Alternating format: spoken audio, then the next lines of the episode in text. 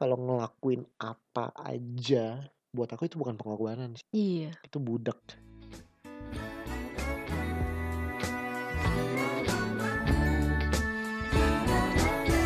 Bucin itu mungkin satu fase ya, tapi nggak selamanya kita harus jadi bucin.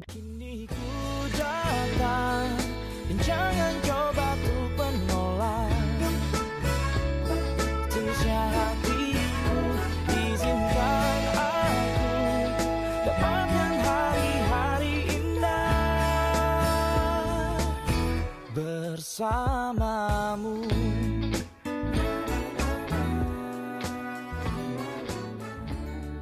Welcome back. Di podcast Mars Venus. itu lagi ya. Yoi. Kita merekam di tengah-tengah, bukan di tengah-tengah, ini justru di akhir. Akhir banget. Liburan kita. Iya, aduh Ini- libur kenapa cepet banget ya? Ya, ini jadi liburan lebaran sudah hampir habis dan kita Mm-mm. memutuskan untuk mengisi akhir liburan kita dengan podcast. Iya, seenggaknya dengan sesuatu yang berguna ya. Eh, kayaknya kamu happy gak sih kamu liburan? Happy, meskipun kita nggak ke mana-mana. Mm, Cuman ya di- ke mana-mana sih liburan. Iya iya iya, tapi maksudnya nggak keluar kota kayak Heeh. yang lain. Tapi happy sih kita main sama teman-teman dan menghabiskan waktu berdua Mm, banyak mm, di mm. rumah. Kalau Bener. kamu gimana tuh? Yang paling happy itu bangun tanpa alarm. Oh iya, itu dia surga. Itu surga karena kebanyakan kan kita ya bangun mengerjakan kerjaan kita pulang malam yang banyak ngobrol sih tapi yang agak menyulitkan kita berdua adalah mm-mm. alarm. Alarm. Dengar bunyi alarm tuh kayaknya Kita happy tidur ya. iya. Ya, maksudnya di tengah-tengah dan Mm-mm. begitu banyak orang posting liburan mereka diisi dengan pergi ke luar kota, luar negeri atau Mm-mm. melakukan hal-hal yang menyenangkan, Mm-mm. vitamin C, Vitamin C. Hashtag vitamin C. hashtag ya, dan lain sebagainya. Eh, Aku pernah dengar sih di tengah-tengah liburan tuh banyak orang yang depresi. Di Hmm. tengah-tengah waktu liburan banyak orang yang depresi. Kenapa? kenapa? Hmm. Karena mereka membandingkan dirinya sama orang lain. Hmm, Mereka ngelihat eh, sosial media kok teman-teman gue pergi ke pantai, pergi keluar kota, pergi ke luar negeri, menghabiskan waktu berkelana dan lain sebagainya. Tapi kok gue kayaknya nggak banyak rencana ya. Dan akhirnya Iya. mereka depres. Dan aku mendengar harusnya kita liburan nggak membandingkan diri Iya kita dengan orang bener. lain. Karena ada beberapa teman-teman aku yang mereka stay happy di liburan ini. Mm-mm. Karena mereka memang mau mulai produktivitasnya mereka, mereka Hmm. akhirnya ketemu sama teman-teman lamanya mereka. Iya. Terus ada beberapa teman aku juga yang happy karena menantikan anak pertamanya dia. Wow. Ya, jadi kayak ada ada teman salah satu teman Hmm. aku yang memang prediksi bahwa eh, di tengah-tengah liburan ini anak Hmm. pertamanya lahir Ya. gitu. Jadi dia sudah cukup happy kok untuk Hmm. menunggu kelahiran itu walaupun dia nggak ke mana-mana gitu. Artinya kan Betul. Apa ya liburan itu nggak harus diisi dengan harus pergi ke mana pergi ke mana dan Heeh. kalau kita membandingkan diri kita sama si sosial media itu ya akhirnya kita depres. Padahal Iya. belum tentu orang yang dengan liburan itu Happy eh bisa segitunya iya juga ya. bisa happy segitunya juga Ya, sosial media hanya menampilkan apa yang terlihat. terlihat nggak tahu di Mm-mm. belakangnya seperti Iya. apa ya feel happy juga buat temen aku yang mau eh, melahirkan itu Mm-mm. Nggak sepenuhnya happy sih bicara soal ngelahirin Mm. karena ada salah satu temen kita Mm-mm. yang juga mau ngelahirin tapi di luar nikah Oh, itu. ya kalau keinget lagi sih agak sedih sih Hmm. gitu Em, sekarang lagi dalam keputusan mau ngelahirin atau enggak si anak tersebut but anyway nggak mau nggak mau Panjang-panjang. panjang-panjang Nah. ngobrolin soal itu tapi lebih ke arah bingung nggak sih kenapa di generasi kita yang sekarang banyak orang yang mau ngelakuin apa aja demi cinta Bener sih. ya pengorbanan perlu Hmm. dalam sebuah Hubungan. hubungan buat aku pengorbanan satu hal yang penting dan Mm-mm. harus Mm-mm. dilakukan justru dalam sebuah hubungan tapi kalau ngelakuin apa aja buat aku itu bukan pengorbanan sih Iya. itu budak apa zaman sekarang bilangnya apa Bucin. bucin budak cinta ya Iya. miris sih kalau pada akhirnya kita eh, merelakan semua hal dalam hidup kita dalam diri kita Hmm. demi cinta Iya, demi mempertahankan cinta. demi mempertahankan Hmm. cinta kau pernah jadi bucin gak sih Waduh. Bucin ya. Mungkin pernah, dulu tuh definisinya nggak bukan bucin. Apa? Nggak tahu deh apa, nggak ada Oh definisinya iya, dulu ya. dulu nggak ada nama Heeh, bucin tapi Siapa pasti sih yang pertama kali ciptain kata-kata Iya, bucin itu? hebat Tapi ya. benar sih, beberapa hal yang kita temuin adalah ya lo jadi budaknya cinta. Mhm mhm mhm. Ya Mhm. pasti semua orang pernah sih Beb. Hmm. Namanya orang pernah jatuh cinta pasti pernah jadi budak cinta ya kan. Hmm. Mau sewaras apa pun orang itu gitu. Mhm. Kalau aku kayaknya dulu juga pernah deh. Meskipun aku lupa-lupa dikit ya, maksudnya kayak aku selalu mementingkan pasangan aku jauh melebihi apa pun gitu. Aku mentingin dia banget atau kamu banget nih, aku lupa sih dulu pernah Hmm. nggak ya. Melebihi aku mentingin keluarga aku, mentingin hubungan aku sama teman-teman aku, kayak Iya, gitu. iya. Kayaknya mungkin aku kayak pernah deh sekali dua kali pasti pernah begitu. Aku pernah nggak ya? Aku kayaknya enggak deh. Masa sih? Nggak tahu ya, tapi aku cukup realistis terhadap itu sih. Aku beberapa kali dekat sama orang sebelum sama kamu, tapi Mhm. nggak pernah sampai sedemikian. Pernah paling Pernah. Pernah nggak sih? Coba-coba yang mana sih? pernah Aku yang mana sih? Masa aku bilang? Tapi sih? ya kalau definisi aku nih ya, bucin Eee. itu adalah ketika kamu ngelakuin sesuatu di luar akal sehat kamu tentang cinta untuk mempertahankan cinta yang sebenarnya Oh, itu iya. sebenarnya toksik buat kamu. I iya, Sebenarnya per itu bukan pernah kamu pernah pernah banget pernah. gitu. Ketika cinta itu lebih besar daripada logika kamu. Ya ya, pernah pernah deh, pernah. Iya kan, masa aku Tapi diceritain. menurut aku, ya itu kayaknya fase deh. Fase kita Apa tuh? ibaratnya nggak kenal cinta, Heeh. terus mulai kenal cinta, Heeh. Bucin, Terus sekarang? baru benar-benar waras dalam cinta. Iya Oh. nggak sih? Jadi fase pembelajaran itu bucin Kayak ya? buat aku sih gini, semua aku aku juga pernah ngerasain di mana dua orang saling jatuh cinta. Mhm. Walaupun belum jadi pacar nih. Mhm. Aku suka dia, dia suka aku, dan kemudian tiba-tiba entah kenapa di otak aku sebagai laki-laki adalah gue harus jadi bucin nih. Gue harus Mmm. melakukan apa pun demi gue Mendapatkan. mendapatkan si cewek ini. Oh. Ya itu menurut aku jadi fase sih. Entah entah ya, entah ya buat aku kayak itu jadi fase ya lo harus jadi bucin dulu baru lo menemukan bahwa ya lo harus benar-benar waras dalam Mhm. menjalin Mmm. hubungan percintaan Iya. gitu. Bener sih bener sih yang kamu bilang. Bucin itu mungkin satu fase ya, tapi nggak selamanya kita harus jadi bucin. Exactly. Nah, yang parah dan yang miris adalah ketika kita nggak bisa ngelewatin fase bucin. Bucin terus ya? Iya, buat aku bucin dalam, eee, skalanya itu wajar, tapi ada bucin-bucin yang terlalu bucin, jadi benar-benar budak dan benar-benar nggak bisa keluar dari cintanya dia. Buat orang ini ya demi mendapatkan cinta, orang ini rela melakukan apa aja ya, buat aku itu harus lepas sih. Iya. Jadi itu definisi bucin buat kamu itu ya? Demi mendapatkan atau Demi nep mempertahankan cinta dia rela melakukan apa aja. dia rela melakukan apa aja sekalipun itu berlawanan sama keinginan dia sendiri. Berlawanan sama keinginan dia, berlawanan dengan nilai-nilainya dia, Mmm. buat aku itu bucin sih. Iya, Ya walaupun setiap kita pasti pernah akan ngalamin masa itu sih. Iya. Ya, bener sih. Kalau mungkin biar jelasnya pakai contoh kali ya? Eh, contoh Maksud deh. kamu bucin tuh kayak gimana Kalau kalau aku ya, eee, aku dari sisi cowok coba ya, ya. Mmm. Bucin adalah melakukan segala sesuatu karena takut kehilangan. Mmm. Buat aku itu bucin. Contoh, aku pernah jadi bucin karena konteksnya sama kamu nih waktu itu nih. Oh iya, kenapa tuh? Yang kamu bilang, "Kok nggak pernah ada foto kita di sosial media kamu?" Oh yang Terus dulu itu ya, ya? terus tiba-tiba aku ngerasa bahwa, aduh daripada dia marah, aku nggak mau kehilangan kamu, ya akhirnya aku mengiyakan.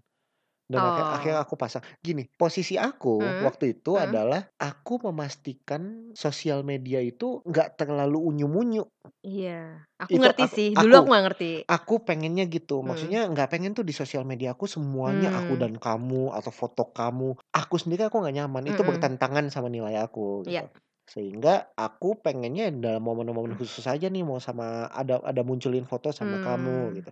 Nah, kamu kan pengennya kok dalam minggu ini nggak ada yang foto Bukan minggu ini sih, maksudnya kan udah sekian banyak foto yang kamu upload kok nggak ada foto kita gitu, maksud aku Iya dulu iya gitu iya. kan.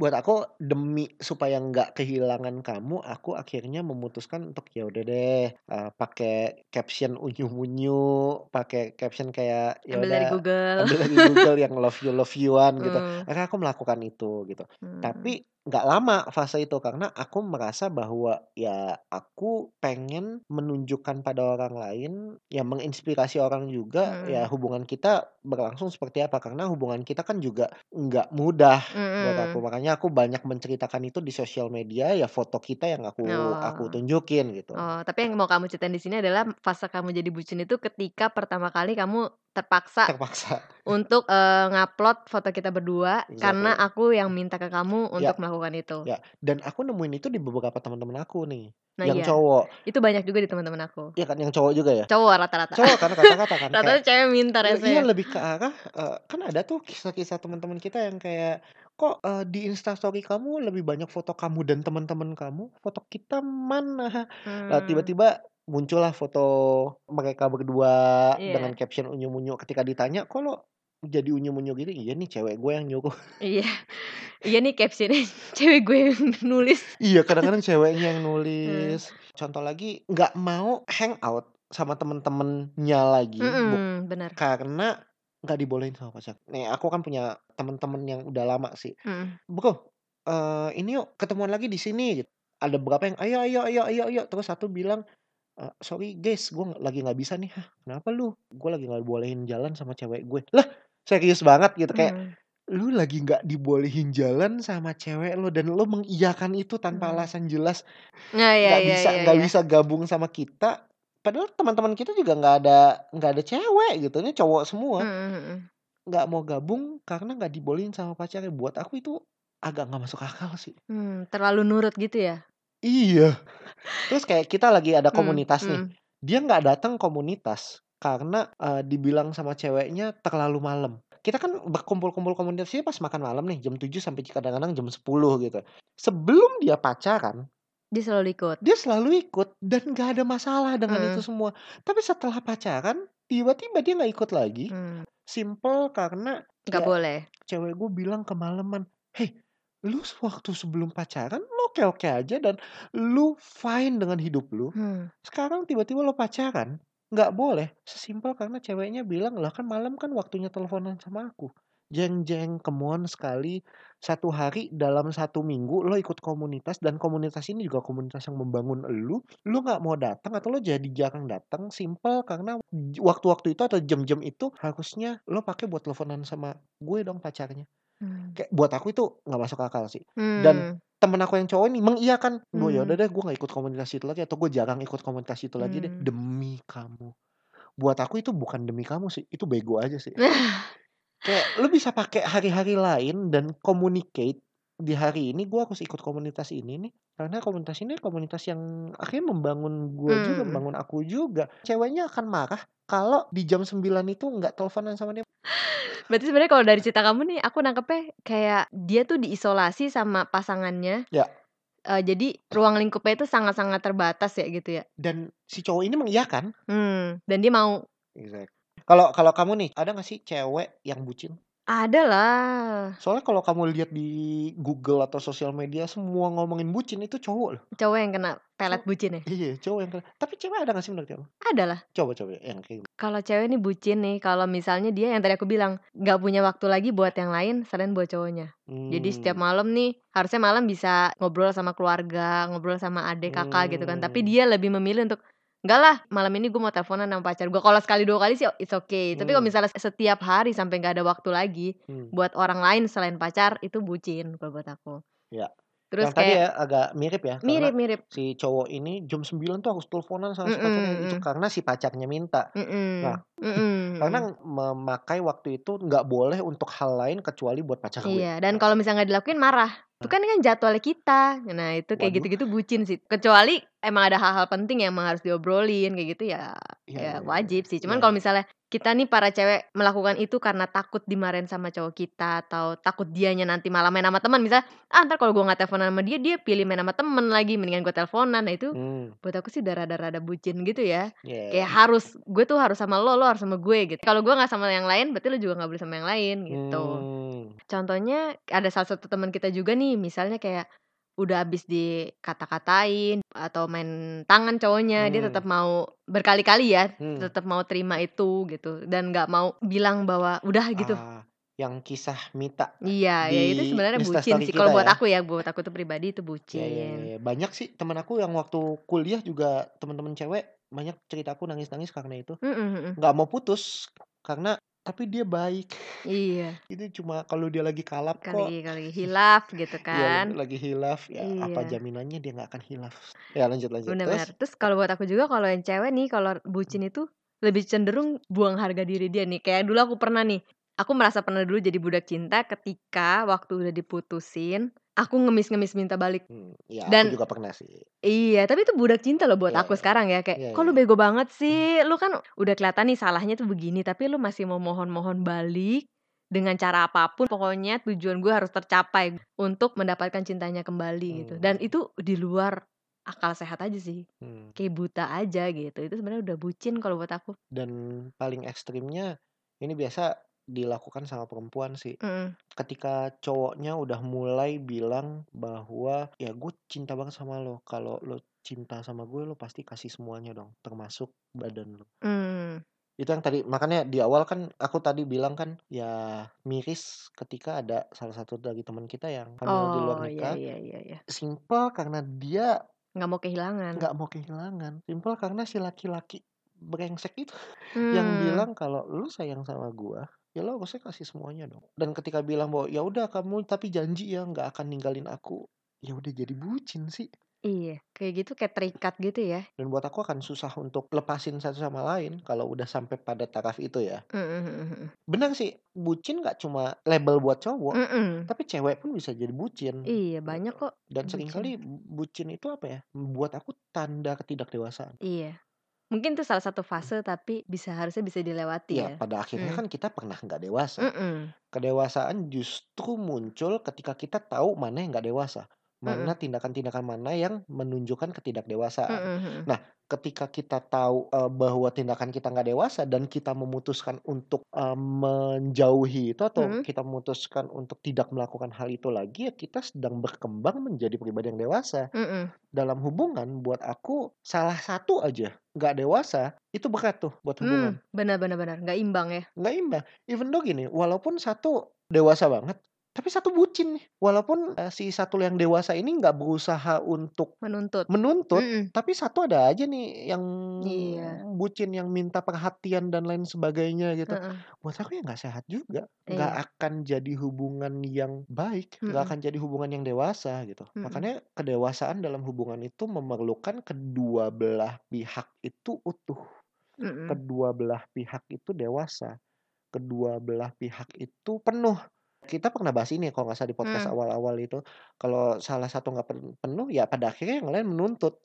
Nah, Mhm. ketika menuntut dan, eee, berusaha untuk memenuhi dirinya sendiri, ya Mhm. itu jadi bucin. Mhm. Sama yang pernah kamu bilang sih, kalau misalnya kita bikin jus, Ya ya ya. jusnya jusnya mix nih, tomat Mmm. sama wortel. Salah satu buahnya ada yang busuk, pasti jusnya jadi busuk. Ya. Dalam hubungan itu diperlukan 2 orang yang dewasa. Exactly.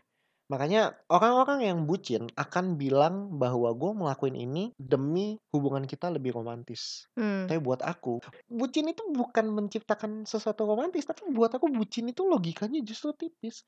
Karena Mmm. mau melakukan segala sesuatu demi orang lain dan nggak mikirin diri sendiri.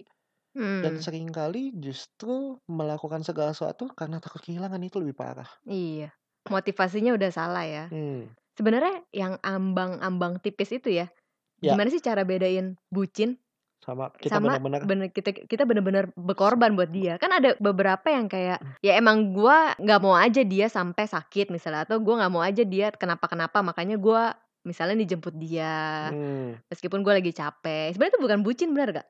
Ya ya, Tapi benar lebih ke benar. arah motivasi kita tulus. Nah itu menurut kamu gimana sih Ya itu yang tadi kamu bilang, motivasi. Mmm. Menurut aku kalau misalnya motivasinya di-drive atau diarahkan pada orang lain lah, Mhm. kayak gue nggak mau kehilangan dia, gue nggak mau dia marah dan lain sebagainya, buat aku itu bucin sih. Tapi kalau misalnya action kita atau perilaku kita lebih ke arah, ya karena emang gue sayang dia, emang karena gue nggak mau nyakitin perasaan dia, Mmm. itu lebih ke arah kitanya mau giving something buat dia, Mmm. buat aku itu korban. Contoh, kamu lagi flight malam nih dari luar negeri nyampe Jakarta subuh, daripada subuh kamu harus naik taksi online atau taksi aku jemput deh. Nah, aku kan harus berkorban, aku bangun tengah pagi untuk bisa jemput kamu. Nah, buat aku itu bukan bucin, itu pengorbanan. Lihatnya dari mana? Lihatnya karena aku motivasinya adalah mau memastikan kamu baik-baik aja. Tapi Mmm. kalau misalnya nih, kamu tiba-tiba telepon aku, "Jemput aku ya." Terus karena aku aku takut kalau aku nggak jemput nanti Marah. kamu marah.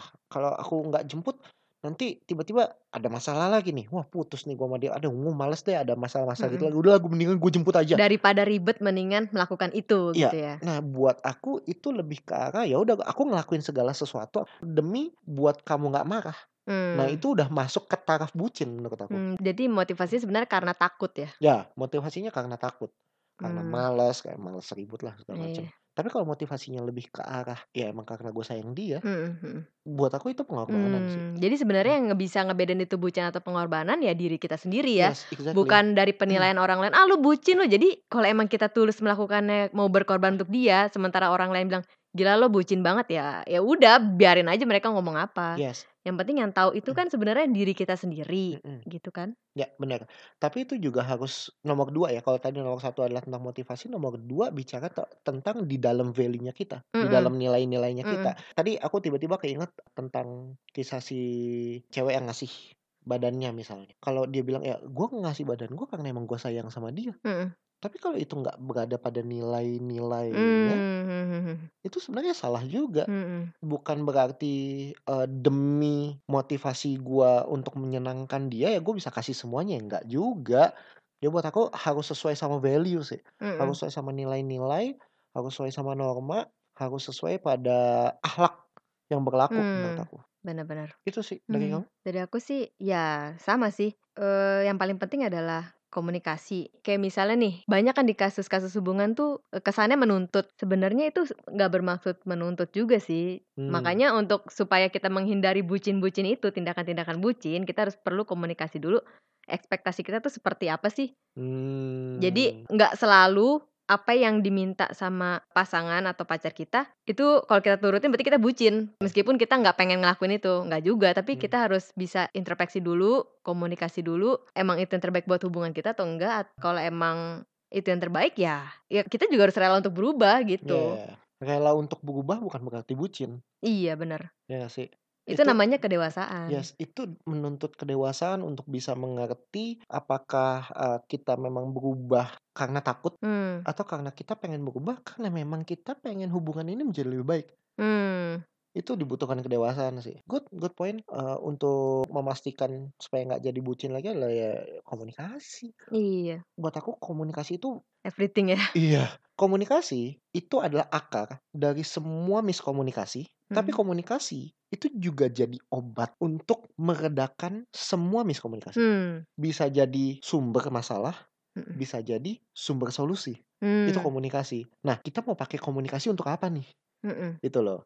Cuma masalah kedewasaan yang membuat kita bisa memakai komunikasi untuk dijadikan itu sebagai sumber solusi. Iya. Gitu, ngobrolin apa yang sebenarnya harus kita lakukan, apa yang enggak boleh kita lakukan lagi, batasan-batasan mana sih kita ngelakuin ini, kita ngelakuin itu. Mhm. Karena menurut aku penting sih, dua belah pihak sama-sama komunikasi. Ekspektasinya apa nih sebagai cewek misalnya gue sih berekspektasi kita teleponan setiap malam misalnya gitu. Mhm. Tapi kalau bagi cowok mungkin disampaikan juga ekspektasinya adalah, kalau gue sih pengennya punya banyak waktu buat temen, tapi kadang-kadang buat lo juga. Ya harus bisa balance dua itu gitu. Mhm. Pertama komunikasi itu penting, karena seperti yang kamu bilang komunikasi itu bisa jadi solusi. Mhm. Terus yang kedua, buat aku cek ke diri sendiri dulu, itu bener gak ya, itu baik gak ya untuk hubungan kita. Mhm. Kalau emang baik ya lakukan, kalau emang enggak ya harus berani bilang enggak gitu, untuk hal-hal yang diminta itu Ya. gitu kan. Terus sama ya cek motivasi kita juga. Mmm. Tulus gak sih sebenarnya kita ngelakuin itu atau karena cuman sekedar takut? Tipis banget berarti ya? Sebenarnya tipis batasan antara bucin dan benar-benar mau berkorban. Iya. Karena action-nya bisa jadi sama, Mhm. tapi kalau deep insight-nya atau motivasinya berbeda, itu bisa jadi maknanya berbeda. Mhm. Ya kan? Sama-sama nganterin ceweknya, Mhm. action-nya, tapi bisa jadi bucin karena ya gue takut, eee, diomelin sama dia, gue takut, eee, diputusin dan lain Mhm. sebagainya, ya akhirnya gue nganterin, tapi sama action-nya sama-sama nganterin, tapi motivasinya adalah gue nggak pengen dia kenapa-napa di jalan. Mhm. Bener Itu action-nya Action-nya sama. sama, cuman tipis ya, cuman motivasinya aja yang berbeda. Ya, ada beberapa yang sulit untuk dipisahkan antara ya bucin atau pengorbanan ya itu on Mhm mhm. motivasi. Aku pernah bilang sama kamu kan bahwa dalam masa pacaran kita waktu itu, Mhm. aku pengennya kamu bersosialisasi. Aku juga Mhm. bilang, "Please jangan batasi sosialisasinya aku. Kalau emang ternyata aku terlalu intens sama satu cewek misalnya atau Iya. kamu terlalu intens sama satu cowok, bolehlah kita sama-sama obrolin itu. Mhm. Tapi kalau misalnya kamu harus, eee, ngelarang aku ketemu sama siapa, aku nggak setuju. Aku pun akan ngelakuin hal yang sama, aku nggak akan ngelarang kamu." Eee, ada beberapa teman-teman aku yang pacaran ngelarang bahwa, "Lu nggak boleh naik motor sama lawan jenis." Ini biasa cowoknya nih, Oh. Ke ceweknya, "Kamu pokoknya nggak boleh ke mana-mana kecuali sama Gojek dan lain sebagainya, kamu nggak boleh ke mana-mana sama teman kamu yang cowok naik motor." Buat aku kayak, Iya iya tunggu iya dulu iya nih kenapa terlalu ekstrim. Nah, aku tuh nggak suka yang kayak gitu-gitu. Makanya aku Ah. pernah bilang kan sama kamu, eee, ya kita nggak boleh terlalu ngebatasin sampai sejauh itu. Iya. Karena aku pengen kamu bersosialisasi, aku juga pengen kamu nggak ngelarang aku bersosialisasi, tapi Mmm. kita komunikasiin. Iya, nah itu penting, Mmm, yes. komunikasiin. Karena kalau enggak, hasilnya bisa jadi kamu mungkin nggak akan ngelakuin itu, tapi bisa jadi ada orang-orang yang, "Pokoknya aku nggak suka ya kamu temenan sama dia, aku nggak suka ya kamu terlalu banyak sama teman-teman kamu yang ini." Komunikasi, Iya iya apa yang iya. benar-benar harus sama-sama kita tolerir, Mhm. apa yang harus sama-sama kita ubah, Mmm. apa yang sama-sama kita perlu adaptasi. Komunikasi terhadap hal itu sih. Kesimpulan dari semuanya adalah grow up sih. Mmm. Bertumbuh, dewasa. Karena pada akhirnya kalau kita terlalu banyak berfokus pada orang lain, tanpa kita mikirin diri sendiri, buat aku dia belum dewasa Mmm. untuk benar-benar punya hubungan yang serius. Kenapa? Karena karena gini, bagaimana kita bisa memastikan diri kita bahagia kalau yang kita fokusin cuma kebahagiaan orang lain. Mmm. Padahal dalam hubungan itu yang paling penting sebelum membahagiakan orang lain adalah kita harus bisa pastiin kita bahagia. Iya iya, benar benar. Karena kalau kita nggak bahagia, susah. Kita tuh diserap terus. Kita berusaha untuk ngasih, tapi satu sisi kita nggak pernah memberikan kebahagiaan Mmm, buat diri kita hmm. sendiri gitu. Aku pun belajar sih dari dulu awal-awal hubungan kita. Kita pun Mmm. pernah mengalami fase bucin ya kan. Mmm. Khususnya aku nih, dulu tuh kamu tuh kalau buat aku tiba-tiba suka ngasih keputusan yang kamu nggak diskusin dulu sama aku sebelumnya. Mmm. Kayak misalnya, eee, malam ini ternyata kamu mau ada teman kita perempuan yang mau curhat sama kamu gitu kan, dan Mhm. itu sebenarnya kamu tanpa informasi dari beberapa hari sebelumnya. Saat momen itu sebenarnya aku tuh kesel dan sebenarnya pengen buat rasanya tuh pengen bilang kamu, "Nggak boleh." Kalau nggak boleh gimana? Gitu. Ya itu fase-fase bucin aku ya. Mmm. Cuman dari situ aku belajar sih bahwa ya kita harus tentuin batasan-batasan itu. Ya. Batasan sampai mana kita bisa kasih masukan buat pasangan kita, batasan mana sampai kita harus bisa relain dia ambil keputusan dia sendiri. Meskipun kita berdua bukan berarti kita satu keputusan. Mhm. Jadi kita masing-masing punya kehidupan pribadi gitu kan dan dan nggak bisa satu sama lain saling ngatur gitu. Kamu atur kehidupan aku, aku atur kehidupan kamu, itu itu nggak bisa gitu. Mmm. Dan di situ di momen-momen bucin kita, masa-masa bucin kita itu aku belajar bahwa apa, yang tadi kamu bilang, aku nggak bisa nih naruh kebahagiaan aku sama kamu. Kalau pas Mmm. lagi kamu nggak bisa turutin apa yang aku mau, kalau tiba-tiba kamu jalan sama orang yang aku nggak mau, Mmm. masa aku mau berlarut-larut sedih atau Ya. berlarut-larut marah gitu. Ya. Aku di situ belajar bahwa gue nggak boleh menaruh kebahagiaan gue di dia. Ya. Kebahagiaan gue ada di dalam diri gue. Kalau gue memutuskan untuk kayak, ya udah gue percaya aja sama dia. Gue sih happy-happy aja ya, gue bisa bahagia gitu. Dulu aku belajar banget gitu Beb, dan itu Mmm. prosesnya nggak gampang. Nggak nggak dalam seminggu 2 minggu lah gitu. Itu Ya. itu by proses gitu. Ya. Jadi aku belajar sih untuk lepas dari bucin ini adalah untuk membiarkan kamu percaya sama kamu bahwa kamu melakukan apa yang baik. Kalau kamu senang, aku pun ikut senang kan. Jadi kayak Exactly. ya udah. Ya, buat aku itu kedewasaan sih Beb. Mhm. Itu yang aku bilang grow up. Aku bersyukur banget aku dapet kamu. Cie. Gue Nih. bersyukur banget maksudnya dapet tipe-tipe yang seperti kamu yang nggak yang tadi kamu bilang tuh, kalau gue bilang nggak boleh, terus gimana? Wah, kalau aku tiba-tiba bilang, "Beb, malam ini aku ketemu sama si Cika ya." Nah, Cika Cika. siapa itu? "Aku ketemu sama Cika ya malam ini ya, mau ngobrolin soal beberapa hal dan lain sebagainya." Mhm. Terus kamu bilang, "Nggak boleh, enak aja kamu." Pulang. Weh. Galak banget. "Kamu ketemu sama cewek berduaan aja nggak boleh." Wah, nggak bisa. Karena buat aku ada beberapa hal yang aku cuma mau ngobrolin berdua Mhm. gitu. Karena ada ada masalah yang dia percayain ke aku yang belum tentu dia nyaman kalau cerita ke kamu gitu. Iya. Nah Ih, nah itu beberapa kali terjadi di di antara kita ya. Bo Mhm. sering banget Beb bahkan. Mhm. Nah, kalau aku nemuin atau at atau aku misalnya tiba-tiba kamu bilang nggak boleh dan lain sebagainya atau buat aku aku akan merasa sangat didominasi sama kamu. Nah, itu dia. Dan aku nggak suka sama sekali. Mmm. Dan akan mudah buat aku untuk ninggalin kamu kalau, eee, kalau Mmm. seperti itu. Padahal aku tidak berusaha untuk dekat sama cewek lain. Kepercayaan kamu untuk bilang bahwa, eee, ya udah kamu lakuin apa yang harus kamu lakukan dan kamu taruh kepercayaan sambil didiskusikan Iya. batasannya sampai mana, buat aku itu adalah bentuk kedewasaan sih. Mmm. Sehingga kamu nggak bucin, aku juga nggak bucin. Mmm, sebenarnya itu salah satu tips bucin trust juga ya? Communication with Iya, trust. communication Karena with trust. trust without communication stupid. Ya aku Mmm. trust sama kamu, tapi aku nggak pernah komunikasiin ke kamu. Mhm. Batasannya yang aku pengen sampai sejauh apa sih? Sejauh apa? Ya pada akhirnya trust-nya itu blind, buta. Mhm. Iya bener. Karena ini ya, masing-masing orang punya batasan sendiri jadi kayak, ya menurut gue segini masih nggak apa-apa, menurut gue Hmm. udah nggak boleh gitu Ya kan. Ya ya. sebenarnya itu fungsinya komunikasi. Komunikasi, yes. Nah intinya, eee, setiap orang pasti akan pernah ngalamin fase bucin. So, pastikan bucinnya kita itu, apa ya, levelnya masih bucin yang bisa diubah lah. Jangan sampai Iya. bucin-bucin yang terlalu ekstrim yang udah nggak bisa diubah gitu. Stop untuk jadi bucin. Mmm. Grow up. Jadilah orang yang dewasa, Mmm. jadilah orang yang mau berubah, jadilah orang yang mau dengar masukan dari orang lain. Jangan jangan terus jadi orang bodoh gitu yang yang mau ngelakuin segala sesuatu demi membahagiakan orang lain tanpa mengerti bahwa yang perlu dibahagiakan terlebih dahulu adalah diri sendiri, Betul, betul banget. gitu.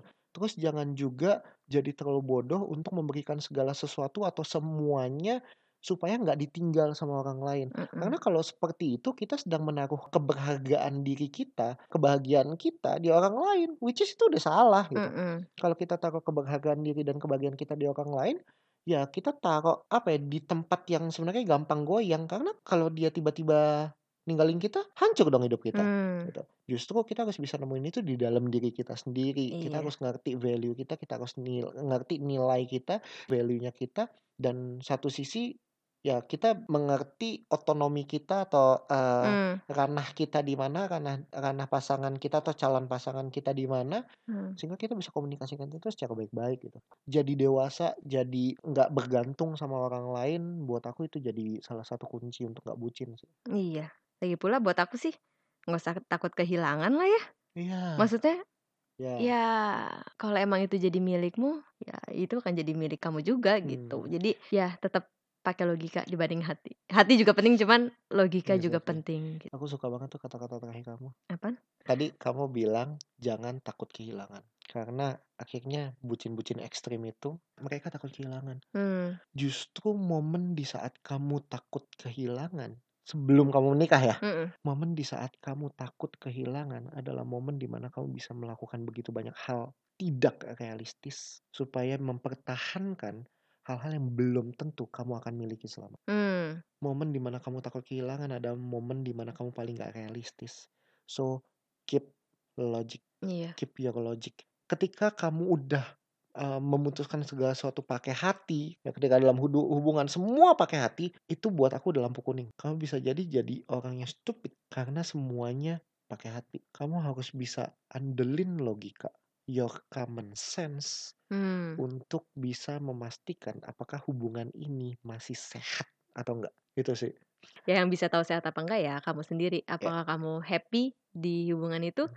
Apakah merasa bertumbuh, merasa semakin baik, atau semakin tertekan, Hmm. makin jenuh, makin bete, dan makin males untuk lanjutin itu, Hmm. gitu. Hopefully segala sesuatu itu bisa dibungkus atau bisa dipilah dan dipilih oleh yang namanya kedewasaan. Karena Mhm. goal dari kehidupan, eee, bukan semakin tua, tapi goal dari kehidupan adalah semakin dewasa. Jadi pastikan diri kita dewasa, mau dengerin orang, baca buku, dengerin podcast, ya belajar dari kesalahan atau keberhasilan orang lain, tahu indikator-indikator apa aja yang membuat kita nggak dewasa, itu penting sih. Mhm mhm. Buat aku itu penting banget. Betul, buat aku juga. Sip, itu aja. Iya. Thank you. Thank you Web. Jadi guys, jangan terperangkap dalam fase bucin, harus bisa lewatin itu dan menjadikan hubungannya lebih baik. Lebih sehat juga. Iya. Follow podcast kita @marsvenus_podcast. podcast, ya. Kalau teman-teman merasa ini good things, please share on social media, bisa di Instagram, bisa di Twitter atau di mana pun. Eh, bisa share ke kita, bisa share di podca eee, Mhm. podcast kita juga. Eee, let us know kalau pembicaraan kita ini bisa memberkati dan bisa ngasih inspirasi juga buat teman-teman semua. Oke. Thank you. Thank See you. you on the next podcast. Lebih